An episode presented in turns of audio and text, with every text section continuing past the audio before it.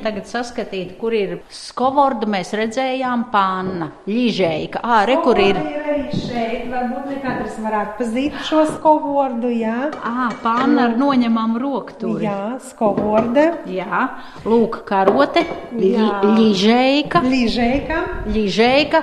kačerāgi. Kur ir? Kačerāgs, re, kur kač... Bigulis, ar ko sabakstīt ogles. Jā, Daugavpils novada Naujienas pagastā, kur garām līkumo Daugava, muzejā var iemācīties gan vārdus latgaliešu valodā, gan abrīnot Ginesa rekorda cienīgu segu, gan iepazīt Parīzē dzīvojošās tēlnieces, gleznotājas un medaļu mākslinieces Valentīnas Zeiles sasaisti ar dzimto novadu.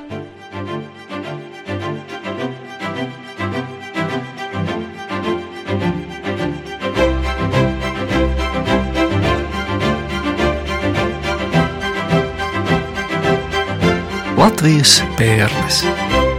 bijušajā skolas darbnīcā ir iekārtota etnogrāfijas ekspozīcija, kuras sastāv no divām daļām. Vienā ir parādīta turīga zemnieka istaba 19. gadsimta beigās, 20. gadsimta pirmajā pusē, un otra ekspozīcijas daļa ir veltīta dažādiem priekšmetiem, kuri ir izmantoti ēdiena pagatavošanai, uzglabāšanai un pārstrādei. Un šī ekspozīcija ir ļoti latgaļisks nosaukums - Skovorda, Ližēga, Kačerāks un citi instrumenti. Es sapratu, skovorda tas būtu panna. Jā, Skavarod no Krieva. Ližēga, nē, Nē. karote, Ļižēka. Kačerāks ir krāsnes skrupjas un citi instrumenti, Nu, ir, citi darba ir rīki. citi instrumenti. Jā. Naujienas novatpētniecības muzeja direktore Evita Kusiņa Koļesņika man ieved telpā, kur ir apskatāmi ne tikai minētie priekšmeti, tātad panna, karote un krāsnes kruķis, bet arī citi trauki un darbarīki, kurus izmantoja saimniecībā 19. gadsimta beigās un 20. gadsimta pirmajā pusē. Pašā centrā ir fotoattēls. Maizes cepšana ielūgstas apriņķa skrudalienas pagastas, skrudalienas vecajā krogā, kurš kādreiz atradies Daugopils novada teritorijā. Maizes līze, te ir arī redzams galds ar gataviem kukulīšiem un uh, lauku sieva ar baltu izrakstītu priekšautu, basām kājām, jā, uz līzes šauj maizi iekšā krāsnes mutē. Tā, nu, un senie darbarīgi. Jā, tad ir eh, viss, kas saistīts ar maizes cepšanu, abras, līzes, ar produktu uzglabāšanu. Cik interesanti es skatos, vai ir kāds īpašs nosaukums te ir. Nu, tādi milzīgi tā kā toveri, kā kubli un grozi, kas ir pīti, var teikt, pītas krūzes. Nākuši no vecīmniekiem, šos grozus sauc par karzina garlunu. Garlunu, tas, ka viņam ir tāds kakliņš, jā, tāds. Karzina garlūna no krievu valodas grozs, kakla, kaklainais grozs. Jā. Nu, tā nevar būt. Pīts grozs ar nelielu kaklu. Ko glabāja tādos graudus? Ē, Tie bija dažādi beramie produkti, graudi, pupas, zirņi. Apguvis pāris šai pusē lietotus vārdus, apmeklētājs nonāk otrajā etnogrāfiskās ekspozīcijas telpā - Turīga zemnieka istabā, kur par zināmu rocību liecina sienas pulkstenis, apgleznoti Kuzņecovu porcelāna fabrikas trauki un spogulis, un nevis kā man sākumā šķita brudierētas galda seciņas un cakaini aizskari. Un tās turīguma pazīmes var arī mēģināt katras ekspozīcijas apmeklētājs saskatīt. Es uzreiz teiktu, tas ir tas eh, tamborētais mežģīņu galdauts, jo nu, zemniekam, kuram nebija rocības, nebija laika sievām sēdēt un margot tādus galdauts. Tā varētu būt? Tā nevarētu būt, jo um, bija tāds ļoti pazīstams pasākums kā vakarēšana. Latvijā to sauc par supratkām. Kad sievietes vai nu viņas bija bagātas vai nabadzīgas, bet viņas vienmēr atrada laiku sanākt kopā, dažādas paudzes un, protams, nodarbojas ar rokdarbiem. Jo Latvijā, nu ne tikai Latvijā, arī citur jau no sešu gadu vecuma meitenes sāk apgūt dažādus rokdarbus. Un, protams, bez pūrā arī nevarēja iziet pie vīra. Un tamborētiem galdautīšu tas sedziņas bija arī jebkuras mājas rota. Nu, arī es saprotu, tad spodru šuvumā izšūti aizskari neliecināja par turību. Nē. Skapis. Skapis, jā, skapis, spogulis un pulkstenis, jo ne katrā zemnieku mājā šis priekšmets bija.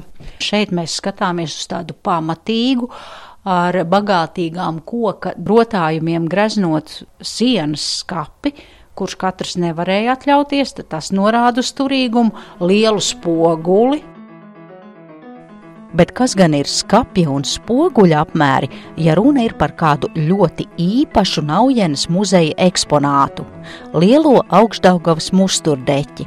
Sega, kura šobrīd ir uztīta kamolā un izskatās kā lauku sētas akas grodu izmērā. Segas garums šobrīd ir 300 metri, un šo segu vēl turpina darināt, un tās tapšanā var iesaistīties ik viens no jums. Tas bija 2011. gads, kad mēs sākām šo akciju. Mums likās, ka mums gan neies tik raiti kā tagad. Bet uz doto brīdi cilvēki ir tik aktīvi palikuši, ka mēs pat nespējam sašūt visu kopā. Tā ieraksts notiek 2018. gada augusta otrajā pusē, un te uz milzīga ruļļa ir uztīts raibuma raips, kā jūs sakāt, musturdeķis. Cik garš tas ir, vai jūs jau varat pateikt? Uztīti ir 300 metri, bet mums vēl viņi arī ir fragmentiņos, tā no sašūtos. Jo doma ir tā, ka šis musturdegis ir tikai 80 cm pagaidām plāts. Mēs veidosim dubultplatumu. Tā kā mēs to otro daļu vēl šujam kopā. Bet garums Jā. jau vēl arī taps. Jā, vēl tā doma ir izveidot 500 metrus garu musturdegi. Kā jau es minēju, neiet nemaz tik raiti. Ļoti daudz cilvēki sūta, un tad mums arī šie kvadrātiņi, kuri pie mums nonāk tādā nesašūtā veidā, ir vēl arī jāiešuj šajā lielajā deķī. Kvadrātiņu izmērs ir noteikts. Ja? Cik noteikts, jā. Cik lielam ir, ja tagad klausās un kāds grib piedalīties šī deķa tapināšanā? Viens, jā, katrs var adīt, tamborēt, aust kvadrātiņu 10 x 10 vai 20 x 20 centimetriem un tad sūtīt mums vai nu vest personīgi. Protams, mēs labprāt redzēsim un gaidīsim visus ciemos personīgi, nu, bet, ja šīs iespējas nav, tad var arī sūtīt pa pastu vai kaut kādā veidā nodot mums, sazinoties ar mums iepriekš. Un līdz kuram datumam? Cik ilgi jūs Mēs to datumu, gala datumu tā nenosakām, bet domājam, ka šis degis varētu būt gatavs 20. gadā, un tieši tad varētu viņu arī stiept pāri Daugavai. Kurā vietā tas notiks? Tas notiks vienā no desmit zaļajām Latvijas pērlēm, Daugavas vārtos. Šī vieta atrodas netālu no Slutišķa ciemam. Skaidrojums. Daugava, veidojot ieleju posmā starp Krāslavu un Naujeni, ir radījusi unikālu dabas pieminekli - Daugavas vārtus. Tas ir saudabīgs Daugavas senlejas sašaurinājums. Tas ir šaurākais ielejas posms. Te upe ir aptuveni 500 metrus plata. Daugavas vārti ir iekļauti desmit nozīmīgāko Latvijas Republikas dabas objektu sarakstā Latvijas zaļās pērles. Tas tiešām ir ļoti liels kopdarbs, un cilvēku atsaucība tiešām ir fantastiska. Ir cilvēki, kuri noda 500 kvadrātiņu. Kundze no Salas Grīvas Agra Jēgere mums ir nodījusi jau 10 metrus musturdeki. Vajadzīgajā 1,60 m platumā un vēl 5 metri viņai top. Tā kā mums ir savi rekordisti, kuri ir tiešām ļoti daudz ieguldījuši šī lielā musturdeka tapšanā. Un tā doma ir arī ar šo musturdeķi iekļūt Guinness rekordgrāmatā. Jā, tā doma ir tāda tiešām. Gribu piebilst, ka ne tikai sievietes mēs aicinām iesaistīties, jo mums ir vīrietis, kurš arī no Daugopils novada ļoti aktīvi piedalās. Un viņš nu pat vakar bija ciemos, atveda pēdējos astoņus kvadrātiņus, un tagad viņš ir nodījis mums 500 kvadrātiņus musturdeķiem. Kotāna kungs no Daugopils novada, un viņa adītie fragmentiņi ir rakstaini. Abrīnojas milzīgo rakstaino segas kamolu, pievēršos šīs ekspozīcijas citiem rokdarbiem, kas ir saistīti ar Naujienas puses rokdarbniecēm vesela gadsimta garumā. Runa ir par divu pagastu, Naujienas pagasta un Nīcgales pagasta rokdarbniecēm. Jo šogad Naudas muzejs rīko ekspedīciju rokdarbnieku apzināšanai, un šeit ir stāsts pār sešām sievietēm. Lūk, viņu fotografijas ir arī te aplūkojamas. Dažas joprojām vēl šodien šūj un izšūj, piemēram, kā Ļubova Gerasimova, var apskatīt viņas šūtās glezniņas. Te mēs varam par vienu izlasīt. Vai cik viņai arī interesants vārds. Es saprotu, te mēs runājam par kādu vecticībnieci, jo vārds viņai ir Janafa Savēļieva. Viņa ir dzimusi 1905. gadā Nīcgals pagastā, un Janafa Šūmašīnu zingeri saņēmusi pateicībā par godprātīgu mājkalpotājas darbu vācu ārstu ģimenē. Pēc kara atgriezusies jaunajā sāģā, viņa apguva šūšanas prasmes un kļuva par labāko šuvēju tuvākajā apkārtnē. Ar izcilo šūmašīnu zingeri tika šūtas gan smalkas kleitas, gan grezni kažoki. Jā, un arī ekspozīcijā ir apskatāma viņas šūmašīna. Singer un, protams, arī viņas šūtā kleita, kā arī šūšanas piedarumi, kurus mums izdevās šogad iegūt ekspedīcijas laikā jaunajā sāģā Nīcgales pagastā. Nu, tās, kuras eh, seko sievietes līdz modei un stilām, paskatoties to kleitu, ārkārtīgi mūsdienīga. Melna kleita ar baltiem punktiņiem. Klasiska, eleganta, skaista kleita, un tā ir šūta, nu, es pieņemu pagājušā gadsimta vai nu 30. gados. Jā, kaut kur 40. 40. gadu beigās. Un tās pogas arī no viņas jā. kolekcijas. Pogas, diegi, jā. Drupņopītas un tā, tādas smagnējas dekoratīvas. Jā, te zingeri, zingeri, dažni dažādi, un te ir arī, ja tās, jūs teicāt, viena no tām izcilām šīs pušu šuvējām izšūtas gleznas. Jā. Tas ir krustdūrienā. Krustdūrienā, jā. Te satiekas šajā izstādē vairāku pauģu šuvēs Annas Krabeškas darbi, arī šūti krustdūrienā pagājušā gadsimtā.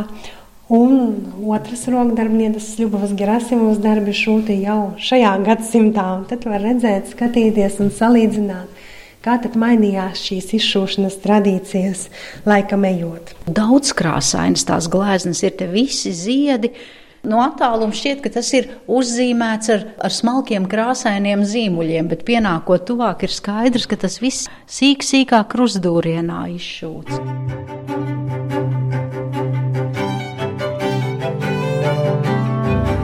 Latvijas pērles. Gar Daugavu cits citā ievīdamies kā viļņi jūrā, stiepās sārti pakalni, kuru plastiskās formas laikam pirmās rosināja manī neatvairām vēlēšanos pašai kaut ko mīcīt un veidot. Šādus vārdus var izlasīt, ieejot Naujienas novatpētniecības muzeja pašā pirmajā ekspozīcijā, kas ir veltīta izcilajai novadniecei, māksliniecei Valentīnai Zēlei. Ja līdz šim, piemēram, šī raidījuma autori zināja šo tēlnieci, medaļu meistari un gleznotāju kā Parīzē dzīvojošu šarmantu mākslinieci no Latvijas, tad te var tuvāk iepazīt Valentīnas Zeiles ģimeni, viņas māsu un vecākus, gan fotografijās, gan ģimenei piedarošos priekšmetos un, protams, pašas Valentīnas Zeiles mākslas darbos. Dzīvojoties Latvijā, mākslinieca ļoti daudz arī gleznojusi dzimto pusi - tēvu, māti, dzimtās mājas, ar kurām saistās pašas gaišākās viņas atmiņas. Bet viņa ir pazīstama ne tikai kā skulptore, gleznotāja, viņa ir dzēniece ir rakstījusi dzēju, veltītu gan dzimtajai pusē, gan Francijai, Parīzei. Bet Latvijas mākslā viņa galvenokārt ir pazīstama kā medaļu mākslas atjaunotāja pēckara Latvijā. Un arī mūsu ekspozīcijā ir skatāmas ne tikai skulptūras, bet arī ļoti daudz medaļu. Tolstojs, Vāgners, Čaikovskis, Da Vinci, tie visi ir attēloti medaļās vai plaketēs. Darbi ir tapuši dažādā periodā, gan padomju laikos, gan jau arī Francijā. Pašā centrā Šajā atklātajā mākslas priekšmetu krājumā ir Valentīnas Zēles vecāku Antonija un Annelas Zēles radītie priekšmeti. Tevs bija izcils namderis, arī nodarbojās ar koktēlniecību. Māte bija ļoti laba saimniece, kā var redzēt. Viņa gan ādīja, gan šuva, gan visu, kas saimniecībai ir nepieciešams, pati izgatavoja savām rokām. To uzmanību te uzreiz piesaist kokā darināti, Mm, tie ir jā, Valentīnas Zēles tēva Antonija radītie priekšmeti. Tēvs piedalījās gan Juzefovas baznīcas celtniecībā, tāpēc šie krusti arī kādreiz tika izmantoti Juzefovas baznīcā, bet pateicoties Gertrūdas zēles dāvinājumam, ir nonākuši Naujas muzejā un ir apskatāmi mūsu apmeklētājiem. Runa ir par koku krustiem, kurus ir gatavojis Valentīnas Zēles tēvs. Te ir aplūkojami arī gan ģipsī, gan bronzā darināti ievērojami cilvēku portreti. Vēl pirmajā stāvā ir ekspozīcija Sirdsdaugava, kur var iepazīt šīs puses floras un faunas daudzveidību un uzzināt, kāds īpašs gliemezis te mīt. Blakus Naudas muzejam atrodas dabas parks Daugavas loki un īpaši aizsargājumā augšdaugavas teritorija. Tāpēc dabas ekspozīcijā šīm tēmām ir veltīta arī īpaša uzmanība, parādot kādi tad reti augi, dzīvnieki ir sastopami augšdaugavas teritorijā. Parādiet man, kas tad ir tas retākais. Ja cilvēki atbrauc, lai viņi teiktu, vai dabas muzejā, vai tas viss ir apskatāms, bet nu, kas tev ir tāds šai vietai? Piederīgs. Tad ir jāskatās un jāslēdz ar holops, kura ir apskatāms viens no mūsu retumiem, kura atratne ir Juzefovas parka gravātas ar baltlūpas vingliemezis, neliels gliemezītis, kuram ilgu laiku vienīgā atradne Austrumbaltijā bija tieši Naujienes pagasts.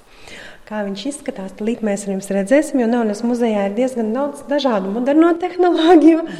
Tā kā jūs šo uzparīti nosaucāt? Holokups holokups. Jā, jā. Tad hologrammas, tā kā filmiņas, ne filmiņas iekšā, jā, var redzēt un hologrāfiskos attēlus, kustīgus pie tam vēl. Jā, un tad var iepazīt arī gliemezi, kā viņš mm. izskatās paskatīties, kur viņš ir atrodams un ar ko viņš atšķirās no pārējiem gliemežiem.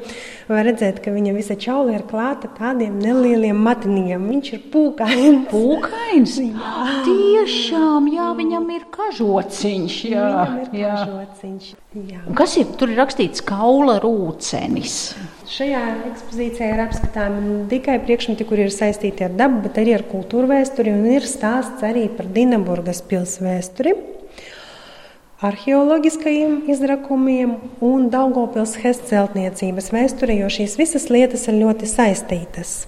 Kaula rūcens, es saprotu, mēs runājam rūcenis, par kādu arheoloģisku izrakumu.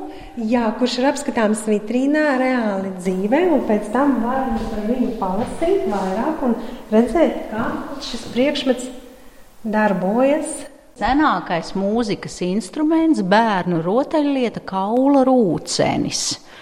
Būtībā viss ir spēlējuši bērnībā ar pogu. Tad šis princips ir tieši tāds pats. Kā tur rakstīts, ir iegūts no cūkas kājas falangas kaula, izurbjot sānos vienu caurumiņu, un tur cauri izver aukliņu, galus sasien, aukliņu sagriež un kauls rotējot uz vienu vai otru pusi rūts. Senlietas ir atrastas veicot arheoloģiskos izrakumus 1982. gadā, kad ļoti aktīvi Latvijas Zinātņu akadēmija sāka pētīt tās vietas, kuras bija paredzēts apludināt sakarā ar Daugopils hestceltniecību. Un tāpēc šajā ekspozīcijā Sirdsdaugava ļoti liela uzmanība mums ir veltīta šiem 80. gadu notikumiem gan Hēzes celtniecības vēsturē, gan pašam protestam pret Hēzes celtniecību. Daņa Ivāna personībai, kurš bija tas, kurš arī uzrakstīja šo liktenīgo rakstu kopā ar Artūru Snipu par Daugavas likteni domājot, no kura arī tad sākās protests pret Daugavpils Hēzes celtniecību un visu pastāvošo iekārtu. Un noslēgumā muzeja direktore Evita Kusiņa Koļesņika mani iepazīstina vēl ar vienu šī muzeja sevišķo piedāvājumu. Šeit tik viens apmeklētājs var pats izveidot savu ekspozīciju. Un šajā vēl jauniengoto izstāžu telpā katram ir iespēja izveidot, pamēģināt savu izstādi no dažādos laikos izmantotiem priekšmetiem. Katrs var iejusties muzeja darbiniekā lomā uzvilkt eh, šos baltos cimdus. Tā, balti. Jā, trikotāžas cimdi, tos es tagad uzvelku, un te cinkotās vannītēs ir, ko es te redzu, gan rotaļlietas, gan sadzīves priekšmetus no pagājušā gadsimta dažādiem Jā. laikiem, un kas te tagad ir jādara. Te var izvēlēties dažādas tēmas, izstāžu un izvilkt, jā, tad izstādi tematisku jūs veidosiet. Ā, te, te ir doti temati. Jā. Kalējas mēdē, vīriešu pasaule ar labu nakti, rotaļlietu pasaule, laimes garša, lasīt prieks. Balss no pagātnes. Nu, ja šis raidījums ir par to, kā pagātne ir iemūžināta šodien, tad es ņemu tematu balss no pagātnes. Un tad ir jūsu brīva interpretācija. Varat skatīties un domāt, kāds ir veidot savu redzējumu par to, kāda varētu būt tā balss no pagātnes. Jā? Nu jā, pats vieglākais būtu paņemt pagājušā gadsimta 70. gadu telefona aparātu un nolikt un tad kādam piezvanīt, bet tikpat labi mēs jau varam domāt tā mākslinieciskāk un plašāk un teikt, ka balss no pagātnes, ā, lūk, te ir. Ā, modinātā pulkstenis, kuru varētu uzgriezt un kuram, tu, kurš tad tikšķētu kā no pagātnes. Cinkota piena kanna un ar koka karoti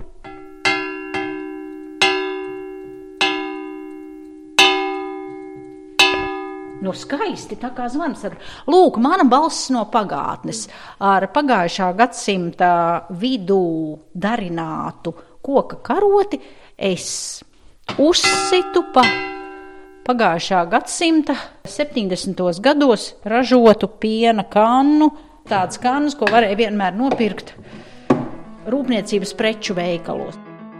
Es saku paldies Naujienas novadpētniecības muzeja direktorei Evitai Kusiņai Koļesņikai un raidījumu veidoja Zane Lāce.